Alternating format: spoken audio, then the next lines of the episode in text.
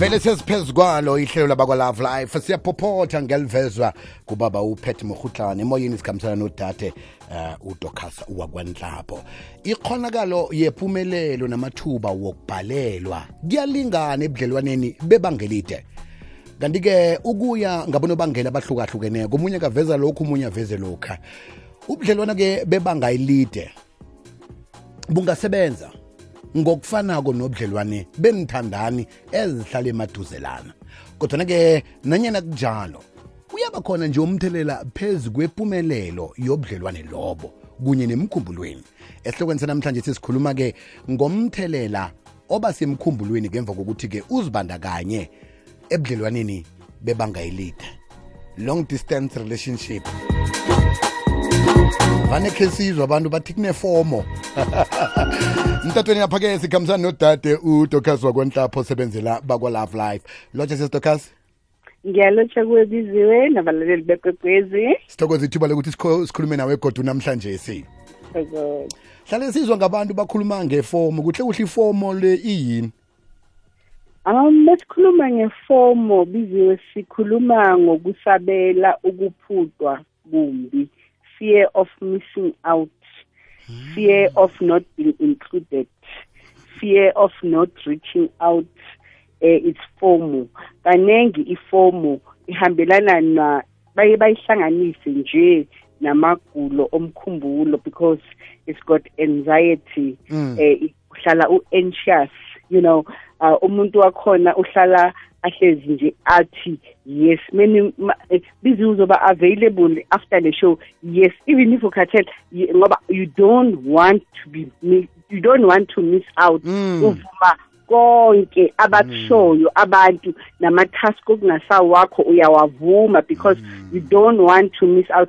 If you feeling ukuthi baya-excluda uba nemizwa eba-negative kakhulu awujabuleli abanye abantu awubi positive because you feel being left out. Uhlala ukwi-high social media activity uhlala uku-media yakho social media all the time because you are checking left right and center ukuthi sokwenzakalani kuphi ubani sekuyenzeni ubani utheni.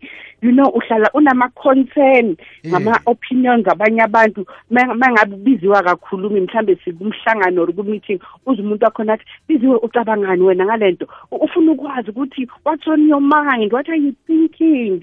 You know it's mainly social eh, anxiety ukuthi abanye abantu um, you know umuntu wakhona uba so negative thinking people they're having fun without me.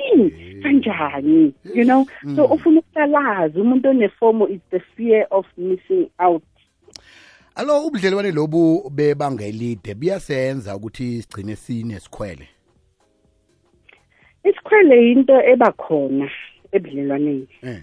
kodwana mangabe lesikhwele sesikhula siba sikhulu kuye kulethe imiraro la ebudlelwaneni because manje kuye kuqale kube nempikiswano as unnecessarily eh kube kaningi futhi because ifomo iyabuya phela and kaningi kuba ne low self esteem so isikhwele sichecka ne low self esteem yomuntu ukungazithembi kunomuntu ongazithembi ongazithembi wena angeke uthembe umlingani wakho uzohlala umcabangela uzohlala uloku uhlezi ucabanga ukuthi kwenzakalani konje yini futhi enye elandelayo and that is why abantu abalawulwa isikhwele ebudlelwaneni isikhwele singakwenza ukuthi ugcine manje uba ne-enga ugcine solimaza nabanye abantu unnecessarily so ngenxa yale mizwa oba nayo yisikhwele Mm.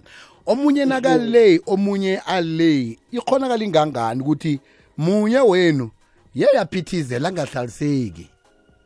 yo asi angithi sabantu biziwe Iye. Njengabantu sinemizwa we are emotional beings and you are bound to be having aboma-anxiety and nabo-anxiousness Mm. so it's not an easy ride ukuhlala ngaso sonke isikhathi une-anxiety especially kuma-long distance relationship because ikwenza ukuthi uhlale ukwi-edge Mm. thinking ukuthi what is going on with my partner what's next wenzani?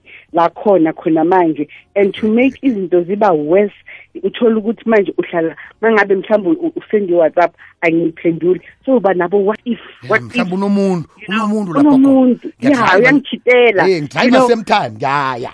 Uthi ngaya ya ya no it's not a child's play. It's not a child's play eh really. Kuqakatheke kukhulu ukuthi uh, i- i- ama long distance relationship they they are very good successful stories abantu aba- abaze bashada. Abanye banabantwana from ama long distance relationship. But it's a hard work that is needed because manje ikhumbula ukuthi kuma long distance because we have to make sure ukuthi kuba ne-pressure to make sure ukuthi we spend good quality time together you know and avoiding ama-disagreements so uma unabo ma-anxiety unabo fomu kumele uzi-check ukuthi really i-long distance le is it for me or not? Nalikokwez fm sakhulumisana nodade la udokas wakwanhlapho xoxa ngendaba yomthelelo obakhona emkhumbulweni womuntu ozibandakanya eh ebudlelwaneni bebanga elide. Omunye uhlala le omunye uhlala le right eh, sesidokasi sesiyivala nje indaba yethu um abantu ngiyacabanga ukuthi baningi abantu aba abathintekako ngesihloko sanamhlanje umuntu uyalixhoga isizo eh angalithola njani isizo ukuthi ke akhona ukuthi aphume entweni le khona aza kuba eh nempilo engcono begodu angabi nokugandeleleka komkhumbulo? Ah ikhona i-counseling you- Ah, kuqakatheke kukhulu ukuthi abantu bathole i-counseling ukuze umuntu akwazi ukuthi amaningi um eh, lesigaxa leli ahlanganwa naso. Biziwe mhm. nginawo zitokasi right. Ya ngithi i-counseling le uyithola njani-ke umuntu sicoca ngayo ukuthi ngiyitholaphi ngithingaphi ukusuka la? Sesitokasi eh ngasuthi silikhambe selahlekelana right sesilivala-ke eh, nanzi inomboro zomtato lapho ongakhona ukuthi ukhulumisane khona nabakwa love life. Inomboro ongayenzela i-please call me ngethi 083 323 1023 083 323 1023 kanti-ke nalapha kufacebook bakhona love life ngo kutwitter at love life ngo instagram eh uthi lapho ke love life ngo nomboro oyithumelako eh, uthumele i-callback kiyo bakufonele ngethi 083 323 1023 sesitokhazi uselahlekile network. Inetweko sithokoze khuluma mbala nangeveke zako. Eh siza kuba nesinye isihloko esizakhona nje ukuthi sikuphandlulule ugcina ithathe inqundo ezifaneleko ngombana yeyi ezinye zenqundo ugcina uzithatha ngombana ugandelelekile. Ubona abangani bakho benza lokhu. Manje la silethi iqiniso pa! Qiniso kwaphela